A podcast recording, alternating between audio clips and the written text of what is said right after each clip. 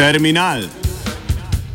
Vedno različni, nikoli isti, reš kolumnisti, isti, isti, isti, isti, isti, isti. Ta tekst je propagandno sporočilo. Spoštovani, lanska begunska kriza ni nič v primerjavi s tem, kar prihaja kot posledica klimatskih sprememb v pogojih neoliberalne globalizacije. To vemo, a ne? Pod vprašaj postavlja ne le tako imenovane evropske vrednote, ki so še vedno v domeni morale in sociale, ampak že vsakdanji način življenja, da ne rečem evropsko civilizacijo. Zastavlja vprašanje o tem, kaj sploh je Evropa in kaj naj bo. Ali sploh obstaja kot zares samostojna entiteta in vrednota, drugačna od anglosaksonsko globalistične in natovsko kapitalsko vojaške dominacije, na podlagi stoletne kolonialne zgodovine Zahoda. In če ni, oziroma ker ni, se postavlja še hujše vprašanje. Kako se temu zoprstaviti, kako zahtevati drugačno Evropo, ne da bi z videmškovskim totalnim humanitarizmom zdaj in takoj široko odprimo vrata, meje, nobenih ograj in tako dalje, zdaj in takoj široko odprli vrata desnim populistom. A kot pove naslov tega prispevka, to ni avtorski tekst, ampak propagandno sporočilo. In to za novo knjigo Slavoja Žižka z naslovom Proti dvojnemu izsiljevanju o beguncih, terorju in drugih težavah s sosedi. Knjiga se zadeve loteva takole, citiram. Kaj storiti s sto tisoči ljudi, ki obupano bežijo pred vojno in lakoto?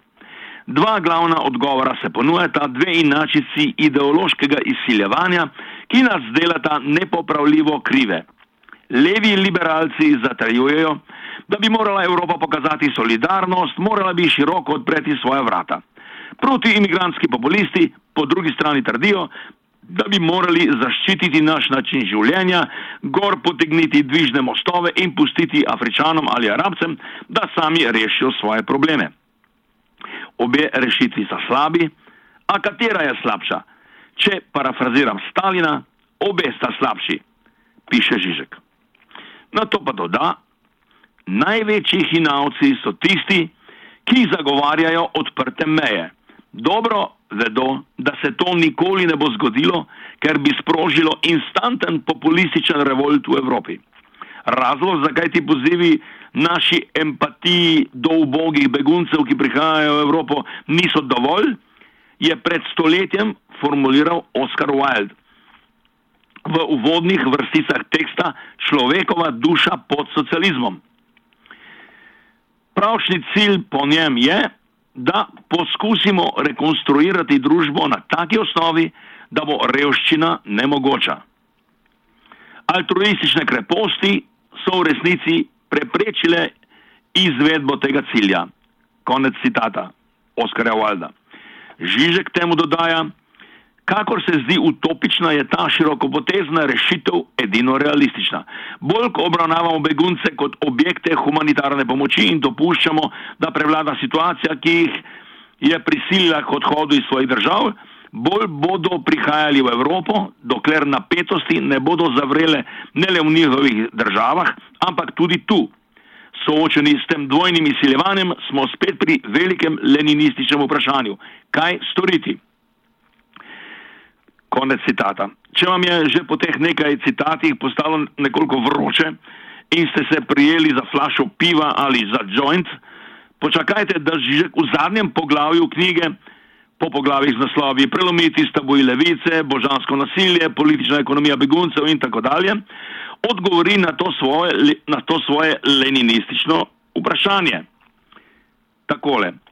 Kaj je nujno v taki obobni situaciji? Kaj naj naredi Evropa? Frederik Jameson je nedavno predlagal utopijo globalne militarizacije družbe kot modus emancipacije. Morda sedanja begunska kriza v Evropi ponuja priložnost za testiranje te opcije.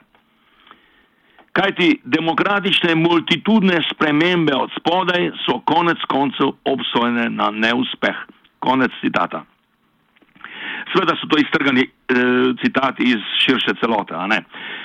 Spoštovani, se tole sliši noro, nespremljivo, zgolj provokativno? ne zavajajmo se, globalistični kapitalistični hudič je vzel šalo skupaj z lepodušnim humanitarizmom in liberalnim demokratizmom vred.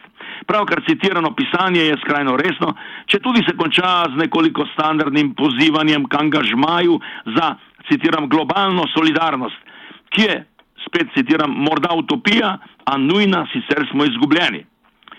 No, jaz bi rekel, morda smo tudi sicer izgubljeni a to je pač že druga zgodba. Ta knjiga je vsekakor orožje, vzemimo jo v roke. Če tudi nas bo trdo udarila po lepi duši in levičarskih tabujih. Oziroma prav zato. In naj jo Žižkova slovenska založba Analekta ali kako se že piše, čim prej izda, če je že izdala Žižkove vice, a ne. Lahko noč in srečno.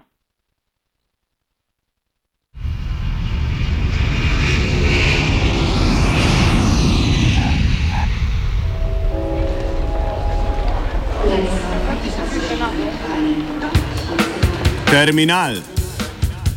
Vedno različni, nikoli isti, reš kolumnisti, isti, isti, isti, isti, isti. isti.